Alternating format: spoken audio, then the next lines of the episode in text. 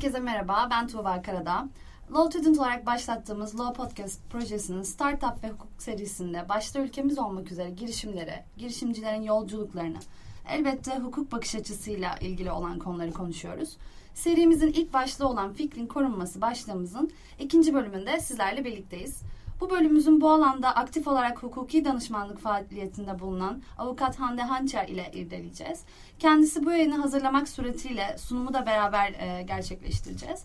Özellikle fikrin korunması nedir? Fikrin korunması ile ilgili kavramlar, üçüncü kişiler, bu konuyla alakalı geçerli olan sözleşmeleri merak edilenler üzerinde en basit düzeyde sorularla ya da bize gelen sorularla sizin merak ettiklerinizle yeniden tanımlamak istiyoruz. Dilerseniz ben kavram üzerinden yayınımıza başlamak istiyorum. Ee, girişimcilerin özellikle genç girişimcilerin ve hukukçuların birçok kavramı ezbere kullandığını düşünüyorum. Ee, fikrin korunması nedir? Bunu tanımlayabiliriz tabii ki. Hukuken bu kavramın bir karşılığını da sizden duymak isteriz. İklim korunması demek e, burada e, ortaya çıkan e, özellikle de yeni e, olabilecek ve ticari anlamda kar elde getirebilecek bir fikrin e, hukuken tanımlanan alanda e, işte fikri mülkiyet hakları olarak tanımladığımız işte marka, patent, faydalı model, tasarım, telif hakkı veya bu şekilde tanımlanmayan ama genel olarak ki daha sonra hani e, yayınımız sırasında detaylı olarak tartışırız.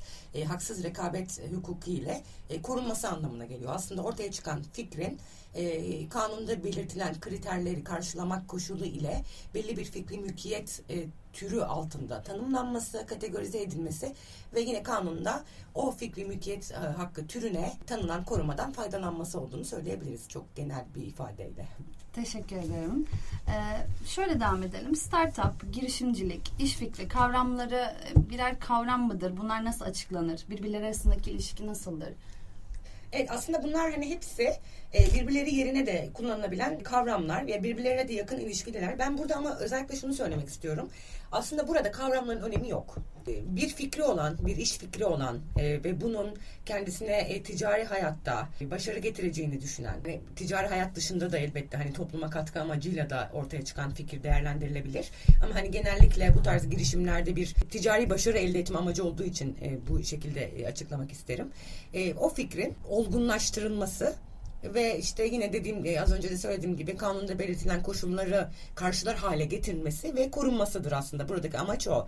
E, bu korunma sağlandıktan sonra da ticaret hayatında işte en e, uygun, en verimli e, şekilde değerlendirilmesidir amaçlanan. E, biz işte startup, kuluçka merkezi, iş fikri, girişimcilik vesaire bir sürü e, kavram var. Bu kavramların hani tek tek açıklamaları var. Onlara da değinelim ama burada hani takılmamız gereken e, kısmın burası değil. Asıl hani e, kafa yorulması gereken kısmın ortaya çıkan iş fikrinin gerçekten yeni bir fikir olup olmadığı, ticaret hayatında değerlendirilebilir olup olmadığı, eğer öyleyse e, bunun olgunlaşması için neler yapılabileceği işte uzmanlarla görüşerek, diğer örneklerle takip edilerek yapılmasıdır. Şimdi e, startup dediğimiz şey aslında Türkçe tam karşılığı yok. Bu işte hem büyüme hem de gelişme özelliklerini taşıyan farklı projelere ve yeni girişimlere verilen bir isim. Bizde yeni girişim olarak da kullanılıyor bu tanım. Hani tek bir Türkçe karşılığı yok. E, ilk defa İngilizce'de e, kullanılmış bu ifade. Dolayısıyla da aslında e, yani yeni bir iş fikrinin, ortaya çıkan bir iş fikrinin birazcık daha olgunlaştırılarak üzerinde çalışmaya başlanması aşamasına artık biraz daha bir startup diyoruz. Yani bir işte e, özellikle üniversitelerde hani öğrenciler veya işte hocalar e, veya illa üniversitede olmasına gerek yok tabii de hani genelde oralardan doğan e, kavramlardır bunlar veya işte genç girişimcilerin e, yeni bir fikri biraz olgunlaştırarak ortaya çıkarmaları halinde e, o başlangıç aşamasındaki ticari faaliyete bir startup diyoruz. Hani bu bazen şirketleşme şeklinde de olabiliyor. Hani bir şirket kurarak devam edebiliyorlar. İlk aşamada bazen hemen şirket kurmayabiliyorlar. E, fikirlerini olgunlaştırıp işte başka bir yere de devredebiliyorlar. Ama genel olarak o yeni iş fikri üzerinden e, başlatılan faaliyetlere olgunlaşmış e, faaliyetlere startup diyoruz. E, iş fikri dediğimiz şey zaten bunun konusunu oluşturuyor. Yani ticari hayatta değerlendirebileceğimiz bir fikri ürün e, ortaya çıkardığımız zaman buna iş fikri diyoruz. E, girişimcilik zaten en hani bunun en e, temel tanımı. E, o fikri mülkiyet hukukuna özgü bir tanım da değil aslında veya işte bu şu an konuştuğumuz bu işte startuplar veya diğer üniversite buluşlarının işte ticarileştirilmesi veya genel olarak e, fikirlerin ticarileştirilmesi aşamasına özgü bir e, kavram da değil. O daha genel anlamda e, bir hani şey kar amacı ile bir riski üzerine alıp iş kurma veya bunun işte e, ticari hayatta faaliyete geçmesi anlamına geliyor. Umarım açıklayıcı olmuştur. Çok teşekkür ederiz. Ee, şöyle devam edelim o zaman. Peki girişimcinin fikri, patent, faydalı model, endüstriyel tasarım konusunu oluşturabilecek düzeyde ise genel anlamda bahsedilen kavramlar ve farkları ne şekilde ifade edilir? Yani bunların arasındaki ilişki veya fark ne oluyor burada? Evet. Şimdi bunlar e, farklı fikri mülkiyet türleri ve farklı e, fikri ürünleri koruyorlar. Fikri ürün dediğimiz şey işte hani e, bir kişinin fikri sermayesi yani orada fikri çabası ile ortaya koymuş olduğu ve yeni olması arzu edilen hani bir, bir creation of mind diye geçer mesela yani Dünya Fikri Mülkiyet Örgütü bunu bu şekilde yani zihnin yaratıları olarak e, tanımlıyor bunları. Şimdi bunların ortaya çıkan fikri ürünün temsil ettiği veya yerine getirdiği fonksiyona göre de farklı bir e, hukuki kavram tanımlanmış bunlara. Örneğin e, ortaya çıkan o fikri yaratı, fikri ürün e, bir mal ve e, bir malın veya bir hizmetin hangi firmaya ait olduğunu, hangi şirkete ait olduğunu e, kaynak göstermek. Hani bu e, bir şirketin mal ve hizmetini diğer şirkete ait mal ve hizmetten ayırt etmeye yarayan bir isim, logo, bir işaret gibi bir şeyse ortaya çıkan şey. Biz buna marka diyoruz. Ve bu durumda da marka hukukuna, markaya ilişkin hani hukuki düzenlemelere tabi oluyor ortaya çıkan fikri yaratı teknik bir soruna, teknik bir çözüm getiriyorsa biz buna buluş diyoruz. Bu durumda faydalı model veya patent ile korunabiliyor. Hani ikisinin koruma şartları farklı. Onların tabii e, yine hukuki olarak yanan kriterleri var. Eğer ortaya çıkan e, yine fikri ürün e, herhangi bir fonksiyona değil ama sadece estetik, görsel bir unsursa, sadece görsel zevke hitap eden bir ürünün dış görünümüne ilişkin bir e, fikri ürünse Buna da tasarım diyoruz. Dolayısıyla ve ona e, ait olan hukuki düzenlemeler e, kapsamında korunuyor. E, o yüzden de hani aslında ilk olarak yapılması gereken şey ortaya çıkan fikri ürünün ne olduğunu anlamak ve ona tanınan hukuki düzenlemeler kapsamında korunmasını sağlamak. Örneğin patentte işte yeni olma, buluş basamağı olma ve sanayiye uygulanabilme diye üç tane temel kriter var. Tescil edilebilirlik kriterleri. Dolayısıyla bir iş fikrinin biz buluş niteliğinde olduğunu düşünüyorsak e, bu durumda patentlenebilirlik kriterlerini taşıyıp taşımadığını incelememiz e, ve işte taşımayan bir unsur varsa o yönde geliştirme yapmamız gerekir.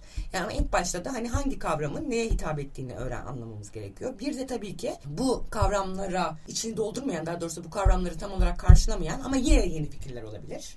Bunlarla ilgili olarak da belki e, evet. biraz konuşmamız gerekebilir. Aynen. Onu ilerleyen zamanlarda zaten çünkü bir fikir yani burada bir e, aklın üretiminden bahsediyoruz. Pıt budur pıt budur demek evet. her zaman kolay olmuyor olabilir. E şöyle devam edelim. Patent, faydalı model, endüstriyel tasarıma konu olmaması durumunda tam olarak konuştuğumuz bir şey veya ticari anlamda bir karşılığı olup olmasının şaibeli olduğu durumda.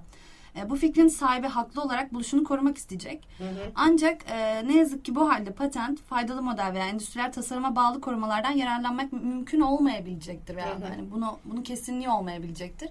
Bu tarz durumlarda ne gibi bir değerlendirme yapmamız gerekir? E şöyle bazı fikri ürünler hakikaten de hani yine korunmaya değer olmakla birlikte bu bahsettiğimiz kavramlar içerisinde yani kanunen yapılan tanımlar içerisinde değerlendirilmedikleri için yani bir marka, tasarım, e, faydalı model veya işte patent konusu olabilecek buluş olarak tanımlanmayabilir ama gene de yeni bir durum e, içerebilir. Örneğin işte bir know-how mesela.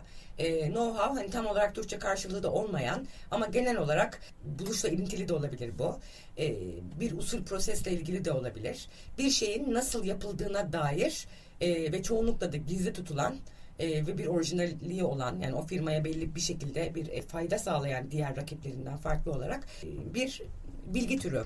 E, artık hani know-how nasıl e, tanımlarsak ama mesela bu bir buluş değil know-how buluş olmadığı ihtimali çok konuşuyoruz. Tabii marka patent veya işte bir şey marka e, tasarım veya telif hakkına konu o, olabilecek bir durum da değil. Bunu nasıl koruyacağız? Bunun aslında koruması işte ticari sır koruması dediğimiz e, kapsamda korunuyor e, yani know-how'da bir ticari sır ticari sır kavramının içeriğini dolduran e, unsurlardan bir tanesi oluyor. Yani ticari sır daha geniş bir kavram. İçine pek çok farklı bilgi girebiliyor. Önemli olan orada şirkete bir fayda sağlayan, rakiplerine e, kıyasla ticari bir avantaj sunan e, ve gizli tutulan, gizli tutulması yönünde irade olan bilgilere diyoruz biz ticari sır olarak.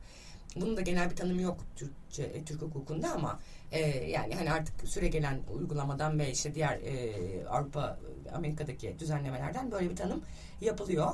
bu gibi işte know-how veya diğer hani fikri mülkiyet türü içerisinde değerlendirilemeyen ama gene de korunmaya değer bir unsuru olan şey korunmaya değer bir e, etkisi olabilecek olan e, fikri ürünleri de ticari sır kapsamı altında koruyabiliyoruz. Bu tabi genel hükümler dairesinde korunan bir süreç aslında. Yani işte hani haksız rekabet dediğimiz Türk Ticaret Kanunu'nun 54 ve devamlı maddeleri kapsamında koruduğumuz e, bir bu kapsamda bir hukuki koruma sağladığımız bir fikri ürün oluyor. Biraz daha zor oluyor. Dolayısıyla tabii ki hani bu e, sonuçta ortaya çıkan fikrin e, değerli bir fikrin korunamayacağı anlamına gelmiyor. Ama e, diğer kategorilere girdiği zaman özel hukuki düzenlemeleri de olduğu için hı hı. gerek tescile bağlandığı için e, kapsamı, sınırları işte koruma kapsamı, e, sınırları daha belli olduğu için daha nispeten daha e, etkin bir koruma sağlıyor. Diğer kısımda yani bu kapsamda değerlendirilemeyen ama ticari sır olarak genel hükümler kapsamında değerlendirilebilecek e, fikri ürünlerde birazcık daha e, zorluk olduğunu söyleyebiliriz. Hani belki o konuda da ileride sorularınız olursa konuşuruz tekrar. Teşekkür ederim cevabınız için. Ee, fikre ilişkin bir alan adının alınması gerekliliği hakkında ne söyleyebilirsiniz? Gerekli midir? Evet. Şimdi alan adı aslında dediğim gibi bir hani dijital ortamda e, bir vitrin gibi bir şey. Daha doğrusu alan adı dediğimiz hani işte www.x .com veya diğer uzantılar artık hani bir sürü farklı uzantı olabiliyor. E, o uzantılarla hani orada korunan değer aslında işte o X dediğimiz hani e, çoğu zamanda e, o işletmenin markasına, o ürün veya hizmetle ilişkili olarak kullandığı markasına veya ticaret ünvanına denk gelen e, bir ibare oluyor orada. Bu e, o işletmenin e, faaliyetleri hakkında sanal ortamda da bilgi vermek, tüketiciye ulaşmasını sağlamak için aslında bir vitrin oluyor alan adı alan adından ziyade o web sitesi alan adı da bizi oraya yönlendiren e, adresi oluyor. O e, sanal ortamdaki vitrinin adresi oluyor.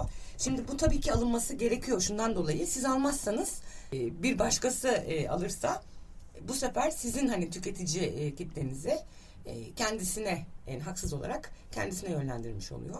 Dolayısıyla da hani özellikle böyle web, web site artık hani zaten dijital olmayan herhangi bir pazar yok yani hani o yüzden eğer online ortamda dijital ortamda da e, bir faaliyet göstermek istiyorsanız diyecektim ama hani şu an herhalde e, aksi bir durum yok.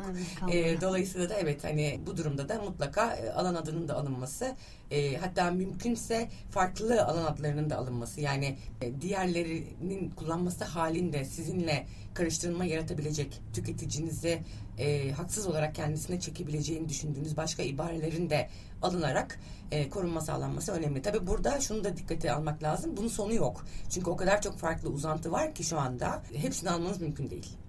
Dolayısıyla da hani sizin temelde işte Türkiye'de ise Türk TR uzantısı, e, kom genel olarak kullanılan bir alan adı olduğu için onu e, ve işte hani başka e, düşündüğünüz alan adları varsa belki daha o şey generic top level dediğimiz alan adlarını alarak korumayı sağlamanız e, uygun olacaktır. Eğer bunları almazsanız da bir başkası alırsa siz temel alan adlarını alıp faaliyette gösterdiğiniz zaman yani daha az dezavantajlı duruma düşeceksiniz. Yani hiç alan adınız olmaması ve direkt başkasının eline geçmesi halinde yaşayacağınız sıkıntılardan çok daha az bir sıkıntı yaşarsınız. Ee, siz kendi alan adınız üzerinden faaliyet gösterirken rakipleriniz eğer farklı uzantılarla aynı ibare için alan adı tescilinde bulunacak olurlarsa onlara karşı hukuki mekanizmalar var. Ama önemli olan e, ilk başta sizin de bunu alıp e, sanal ortamdaki varlığınızı, e, o vitrininizi kurmanız aslında orada. Şimdi genel olarak fikrin korunması nedir ne değildir biraz konuştuk. Ee, yayın öncesi de yaptığımız araştırmalara göre hani fikrin korunmasının ne olduğundan ziyade genelde aşama yani bunun bir proses olduğunu kabul edersek başlangıcında, ortasında, devamında insanların sıkça merak ettiği bazı sorular var. Özellikle girişimcilerin ve hukukçuların merak ettiği bazı konular var. Ee, bu soruların cevaplarını bir de sizin tarafınızdan dinlemek isteriz. İlk sorum şöyle olacak. Fikrin üçüncü kişilere sunulması sürecinde özellikle dikkat edilmesi gereken usuller ya da unsurlar nelerdir? Evet. Bu e, işin en can alıcı noktası zaten. E, çünkü hani fikri belli bir olgunluğa payla geçir, getiriyorsunuz. E, büyük bir emek e, harcıyorsunuz o fikrin olgunlaşması aşamasında da. E, daha sonra da hani birine e, bunu sunarken tabii ki en başta e, o fikrin onlar tarafından sizin izniniz olmaksızın kullanılmasını engellemek yönünde bazı önlemler almak olacaktır. E, burada hani gizlilik e, tabii ki gizlilik sözleşmeleri önemli. E, ona değineceğim. Ama onun öncesinde şu hani önemli. E, mümkünse fikir üçüncü kişilere sunulmadan önce işte marka, tasarım, buluş kapsamında patent veya faydalı model yani böyle bir tescile bağlı, tescille korunabilen bir fikri mülkiyet hakkında konu edilebiliyorsa o yaratılan fikir e, bu durumda öncelikle onu hani o başvuruları yapılması önemli. E, o başvuruların yapılarak hani o fikrin size olan aidiyetine resmi kurum nezdinde yani onu orada kayıt altına alarak e, sunmanız başka bir kişiye en güvenli adım olacak aslında. Hani e, o kişi sizden izinsiz olarak o fikri kullanma e, yönünde şeylerde bulunursa, girişimlerde bulunursa sizin daha önceden e, atmış olduğunuz bu adım e, tescil için hemen tescillenmemiş olabilir çünkü özellikle patent e, tescili çok uzun süren bir süreç. Ama e, bu aşamada hani e, en azından başvurunuzun olması ileride o kişinin izinsiz olarak kullanımlarına karşı size bir güvence sağlayacaktır. Bu önemli. E, bunun dışında hani henüz başvurunuzu yapamıyorsanız çünkü e, masraflı da süreçler bunlar. Hani o yüzden o başvurunun yapılması e, bakımından destek desteğe ihtiyaç da olabilir. Maddi desteğe ihtiyaç da olabilir. Dolayısıyla çok daha erken bir aşamada bunu paylaşmak da gerekebilir. Bu durumda e, tarafların karşılıklı olarak e, birbirlerinden beklentilerine paylaşılan hususları ve bunların gizli tutulacağına dair bir sözleşme yapmaları önerilir. E, burada hani gizlilik tabii ki çok önemli. E, dolayısıyla da hani bu e, fakat gizlilik önemli ama hani gizlilik aslında karşı tarafın bunu gizli tutma iradesiyle kendini bulabilecek bir kavram aslında. Çünkü hani biz gizlilik sözleşmesi yaptığımız zaman ortaya hop gizlilik diye bir şey çıkmıyor. Dolayısıyla hani karşı tarafın e, o gizli bilgiye saygı, riayet etme iradesi ölçüsünde korunabilecek bir husus. E, dolayısıyla da hani e, bu sözleşmeler aslında hani en kötü senaryolar dikkate alınarak e, hazırlanan e, süreçler. Burada birincisi template dediğimiz matbu e, gizlilik sözleşmelerinden kaçınılması. Bu çok önemli bence. Hani bu konuda e, katıldığımız bütün e, bu tarz e, toplantılarda hani start girişimcilerle yaptığımız görüşmelerde özellikle vurguluyoruz. E, masaya oturuyor taraflar ve ilk olarak ortaya çıkan şey gizlilik sözleşmesi oluyor. Çok önemli, çok değerli tabii ki. En azından e, bunun önemini fark edilmiş olması aşama açısından çok değerli, önemli bir e, süreç. Ama e, bir matbu, bir gizlilik sözleşmesi ile aslında sadece şey koruyamıyoruz ve sadece aslında taraflar olarak birbirimize e, irademizi göstermiş Tamam, bunu oluyoruz. yapacağız Bir- yapacağız demiş oluyoruz. oluyoruz. Halbuki orada yapılması gereken şey birincisi hangi fikri sundum? Sunduğum fikrin kapsamının ne olduğunu söylemek. e, onu dokümante etmek yani hatta onu öncesinde işte bu tescilleri konu edemiyorsak dahi kendimiz hani onu bir hazırlamak işte zaman damgası yöntemi olabilir noterde onaylatmak olabilir artık hani nasıl bir şeyse önemli olan orada e, aksi iddia edilemeyecek tarihsel önceliği gösterecek işte bir önlem almak ve bunu da sözleşmenin eki yapılması önemli. E, Dolayısıyla hani üçüncü kişilere şunu söylemeyeceğim. Hani bu da aslında çok basit bir bilgi ama aslında çok da hani bazen göz ardı edilebiliyor. Karşındaki kişiye güvenmek çok önemli bir şey gerçekten de. Hani çünkü bu gizlilikti vesaire diğer konular aslında güven içerisinde yürütülmesi gereken süreçler. Çok hassas süreçler bunlar ve e, karşınızdakiyle büyük bir yola başlamadan önce her bir adımı tabii ki en kötü senaryoya göre adımlamanız gerekiyor ama aynı zamanda da birbirinizi irite etmeden çünkü bir yolculuğa çıkıyorsunuz birlikte birbirinizi irite etmeden profesyonel olarak gerekli önlemleri almak ama öteki tarafta da güven tesis edilmesi önemli oluyor. Evet. Sen bu şeyle bağlantılı olarak aslında birbirlerine güvenmek yani asıl önemli olanın bu olacağı ne kadar sözleşme yapılsa da birbirlerine güvenmenin önemli olduğunu söylemişken tüm bu hususların tatbikine rağmen he- her şey yapıldı tüm ön- önlemlerimizi aldık. E, yenilik fikri üçüncü kişiler tarafından ihlal edilirse nasıl bir süreç izlenebilir? Dava açılabilir. yani şimdi açıkçası tabii ki fikrin dediğim gibi fikri mülkiyet hakkında konu edilmiş olması halinde atılacak adımlar belli. Edilemiyor veya henüz edilmemiş olması halinde atılabilecek adımlar belli. Ya sanayi mülkiyet kanununa göre ya işte Türk Ticaret Kanunu'na göre açılabilecek davalar var. E, fakat hani her halükarda bu bir eleştiri vesaire değil. Normal şey olarak hani objektif bir e, veri olarak söylüyorum. Bir davanın bir yıldan önce sonuçlanması mümkün değil.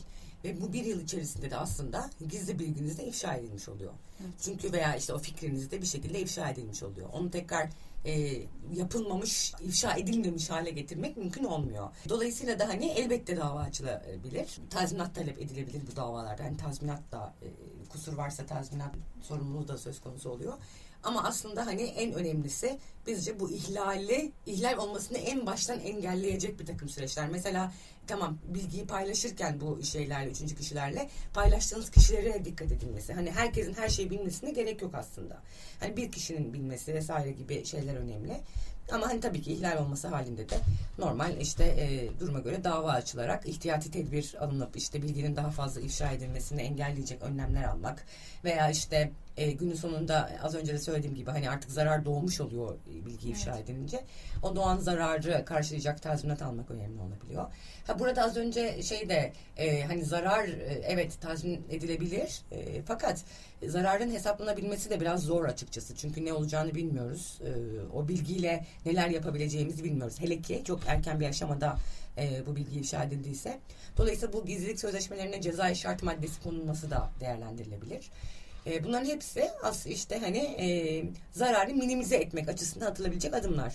Ama aslında hani e, en baştan hiç ifşa edilmemesini sağlayacak düzeyde çünkü bir adımlar atılması önemli. Mesela yurt dışında falan katıldığımız konferanslarda bu tabii ki hep hani en çok o gizli bilgi nasıl korunur çok fazla tartışılan bir şey. Bir tane e, konuşmacı vardı bir firmanın baş baş patent e, müşaviri diyeceğim artık hani artık hukuk müşaviri de değil tamamen patent alanında çalışan bir e, kişiydi. O şey dedi gizli bilgiyi korumak istiyorsanız ifşa etmeyeceksiniz demişti. hani gerçekten de bu böyle. Ama olursa da ihlal işte dava açılabilir e, tabii ki. Teşekkür ediyoruz. Ee, şöyle devam edelim. Yazılımların hukuki konumu ve korunması girişimciler için aslında önemli bir soru kafalarında. Bu hususta neler söylenebilir? Evet yazılımlar e, biliyorsunuz e, telif hakkı kapsamında fikir ve sanat eserleri kanunu çerçevesinde korunuyor. İlim ve edebiyat eseri olarak e, o, o kapsamda ona bir tane verilmiş olan kategori var. Orada o kapsamda korunuyor. Dolayısıyla hani bir yazılımın bir başkası tarafından izinsiz olarak kullanılması halinde telif e, hakkı tecavüzü söz konusu oluyor. E, yazılımlar tek başına kaynak kod vesaire hani o yazılımın kendisi software dediğimiz şey e, patent veya şey konusu olamıyor. Hani bu buluş olarak kabul edilmiyor. E, o sınai mülkiyet kanununda patentlenemeyecek e, bu şey buluşlar kapsamında da yazıyor açıkça. Ancak bir hani hardware'e bir donanıma sabitlenmesi halinde, onun içerisinde bulunması halinde e, bu durumda korunabiliyor. Ama orada korunan şey aslında hani e, o software'in hardware ile olan etkileşimiyle ortaya çıkardığı teknik çözüm oluyor. Böyle bir koruma olabiliyor. Yani yazılım alanında e, dediğiniz gibi daha çok bu girişimciler hani şu an teknolojinin gelmiş olduğu durumda da yazılım alanında oluyor en çok. E, yazılımda da işte telif hakkı maalesef telif hakkı tescile bağlı bir koruma sağlamıyor. Bu bir anlamda güzel bir anlamda da kötü. Çünkü hani güzel olması şundan dolayı hak aslında hemen doğuyor. Hiçbir tescil gereksinim duymaksızın. E, kamuya açıklandığı andan itibaren aslında sizin hakkınız doğuyor. Ama hak sahipliğini ispat etmek zorlaşıyor. Çünkü sizin izniniz olmadan da o başkası tarafından ifşa edilebilir. Bu durumda size ait olduğunu nasıl koruyacaksınız? Ee, şimdi dediğim gibi bu tarz telif hakkı veya diğer tescille korunmayan işte know-how veya diğer gizli bilgi, ticari sır olarak genel adlandırdığımız korun şeylerde bu zaman damgası yani hak sahipliğinin ispatı için önce bunu ben yarattımı ispat etmek bakımından zaman damgası, yani dijital damga dediğimiz o teknik şeyler çok işe yarıyor uygulamalar o zaman bunu yaptığınız zaman en azından şey ortaya çıkmış oluyor. Hani ben bunu daha önce yapmıştım ve bu zaman damgasıyla onu artık şey yapılamadığı için geri dön nasıl diyeyim e, oynanabilir bir şey olmadığı için o teknik olarak sizin o tarihte onu yapmış olduğunuz ortaya çıkıyor. Dolayısıyla o kodları vesaireleri o teknik olarak hani açıklamalarını dokümante edip zaman damgasıyla bir şeyde saklamanız e, daha sonra ihtilaf halinde hayır bunu önce ben yapmıştım ve bak burada işte sana da şu şekilde sana bunu sunmuştum demek e, faydalı e, olacaktır diyebiliriz. Başka bir soruyla devam edelim. E, topluluk markası sistemi ve Madrid protokolü sisteminden de biraz bahsedersek uluslararası arenada fikrin korunması nasıl mümkün olabiliyor?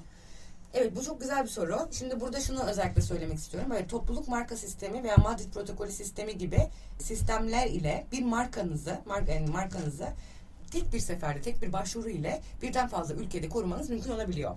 Fakat burada asıl olarak dikkat edilmesi gereken şey şu. Marka koruması bütün fikri mülkiyet haklarında olduğu gibi ülkesel aslında, ülkeseldir. Dolayısıyla e, topluluk da aslında hani bir Avrupa topluluğu da bir ülke olarak yani tek bir ülke olarak kabul edildiği için hani onun özel bir yapısı var ama Madrid protokolünden e, öncelikle şöyle bahsetmek isterim. E, şimdi işte benim markamın uluslararası tescili var. Markamın uluslararası tescili aldığım gibi bir e, ifadeler kullanılabiliyor. Bunlar yanlış. Çünkü e, Madrid protokolü bize sadece tek bir başvuru ile birden fazla ülkeye ulaşabilme imkanı veriyor. Aslında bir kolaylaştırma veriyor.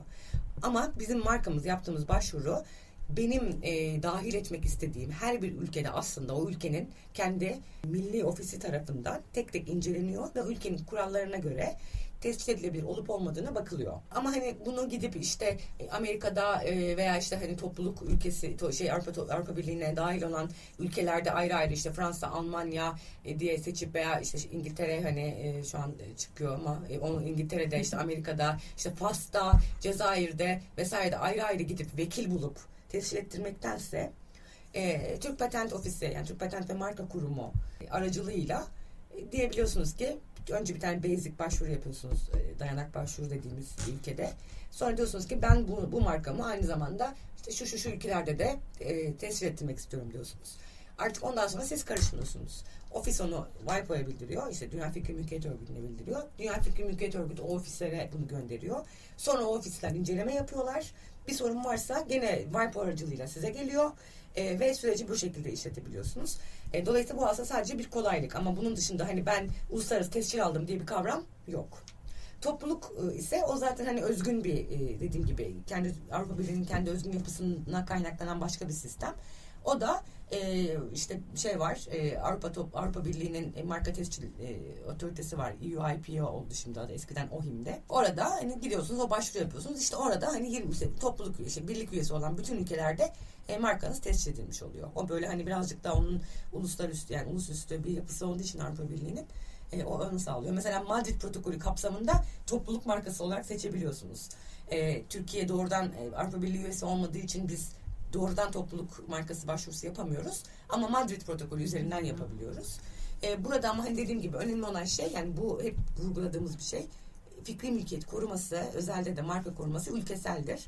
Bunlar sadece bize e, kolaylık sağlar. Çok teşekkürler. Çok güzel bir konuşma oldu.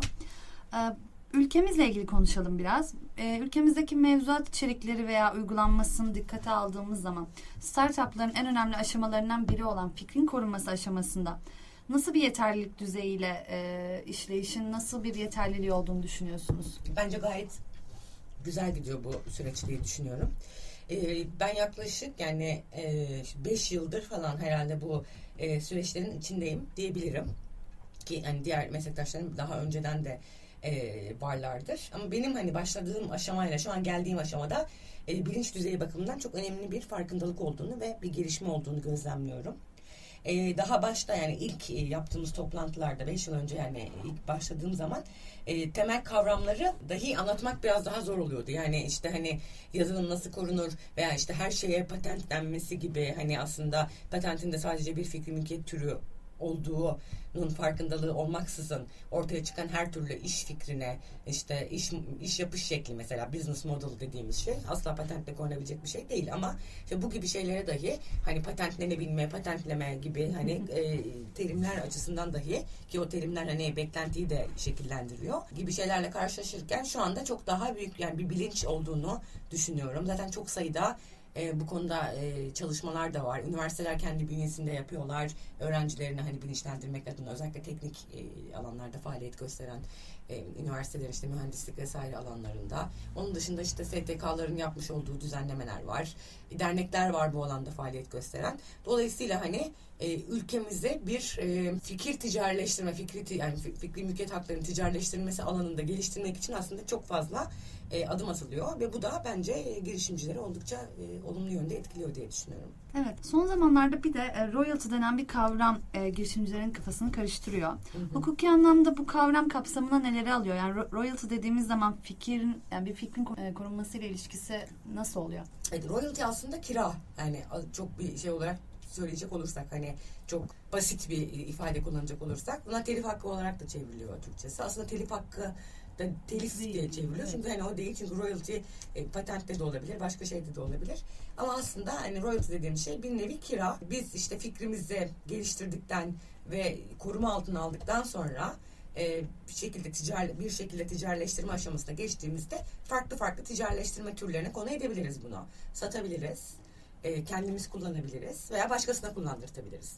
İşte başkasına kullandırtma halinde de royalty talep ediyoruz karşımızdakinden. E, onun da artık taraflar arasındaki ilişkiye göre e, adaletli bir şekilde hesaplanması gereke, gerekiyor. Bunu bu şekilde, yani ilişkiyi bu şekilde söyleyebiliriz.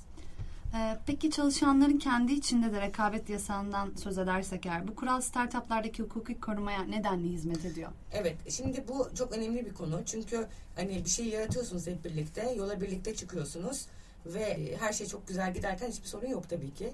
Ama hani bir noktadan sonra e, işler bozulduğunda ve birlikte çalıştığınız arkadaşınızın e, veya şimdi ben tabii startup ve şey için hani daha yeni girişim için bunu söylüyorum ama ya da veya bir şirketin hani bütün e, büyük emek verdiği bir çalışanının e, başka bir yere gitmesi halinde çok ciddi bir sıkıntı çıkıyor. Çünkü e, kendisinde çok ciddi bir bilgi e, oluşuyor.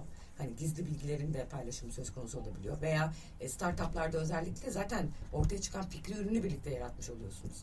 Dolayısıyla hani bu gibi hallerde hep e, şey bu gizlilikte, rekabet etmeme gibi süreçleri aslında en baştan kurum kültürü haline getirmek gerekiyor. Yani iki kişiyken dahi e, bir o şeyin bir kültürü olması gerekiyor. O iki kişilik toplumun dahi bir olması, öyle bir kültür kurulması gerekiyor ki e, o işte işletme daha büyüyüp geliştiği ve daha fazla kalabalık çalışan sayısına sahip olduğunda da oradan o kültürle gelişmiş olsunlar. E, burada tabii şöyle bir şey var. E, bir insanın e, çalışma özgürlüğünü elinden almamız mümkün değil. Dolayısıyla da bu kişiye e, çok e, uzun süreler boyunca e, ticari faaliyet yani çalışmadan men etmemiz de mümkün değil. Ama o bilgiyi kullanmasını belli sürelerle hani e, engelleyebiliyoruz. E, burada da hani e, işte Yargıtay en çok bu ticari sırla ilgili olarak Yargıtay'ın en çok karşılaştığı, daha doğrusu Yargıtay'ın demiyorum ama yargı kararlarına en çok konu olan konu da zaten bu. Çalışanın işten ayrılıp başka yere geçmesi. Burada Yargıtay hep şeye bakıyor. Şimdi doğal olarak o çalışan orada çalışırken ve ondan zaten özen, sadakat, işini en iyi şekilde yapma beklentisi de olduğu için ister istemez bir şeyler öğrenmek zorunda. Ve hayatın olağan akışı içerisinde zaten göreviyle ilgili olarak e, bazı verileri öğrenecek. Yani tecrübe kazanıyor. Bu tecrübesini başka yerde kullanmasını engelleyemeyiz. Ama o işletmeye ait, bunun o çalışma yerine ait olan, özgün olan e, ki fikri mülkiyet hakkıyla korunan veya korunmasa da ticari sır olarak o işletmeye özgü olan bir veriyi başka yerde kullanması elbette haksız rekabet teşkil edecektir. E, burada da işte o zaman hani o görev tanımının iyi yapılması, e, paylaşılan bilginin gizliliğine dair kuralların, o politikaların doğru belirlenmesi e, gerekiyor. E, startuplarda da bunun en önemli şeyi en baştan bu kültürü oluşturup ileriye yönelik adım atılması olduğunu söyleyebiliriz. Çok teşekkürler. Ee, bu bölümümüzün ilk kısmında e, fikri mülkiyet üzerine konuşmaya başladık. Daha doğrusu fikrin konuşmasından başladık. Fikri neye fikir dediğimizi onu bir sınıflandırmaya sokup sokamayacağımızı korumaların ona göre şekilleneceğini. Daha sonrasında girişimcilerin akıllarına takılan bazı konular işte gizlilik sözleşmesi olabilir, know-how olabilir. Bu tarz çe- e, çeşitli noktalara değindik. E, çok teşekkür ediyorum tekrar kendisine. E, Hande Hançer bizimle e, buraya teşrif etti, bizimle bu konu hakkında sohbet etti. E, diğer podcastlerimizi dinlemek isterseniz e, ben web sitemizin adını söyleyeyim buradan lawpodcast.co Instagram adresimiz de @lawpodcast. E, bizi takip edebilirsiniz. Eğer ilginizi çeken konular olursa siz de e, podcastleri dinleyerek günün her zamanda bizle birlikte olabilirsiniz. E, merak ettiklerinizi öğrenebilirsiniz. E, çok teşekkür ediyorum tekrar kendisine katıldığı için. E, dinleyicilerimize çok çok teşekkür ediyorum. Kendinize iyi bakın. Hoşçakalın.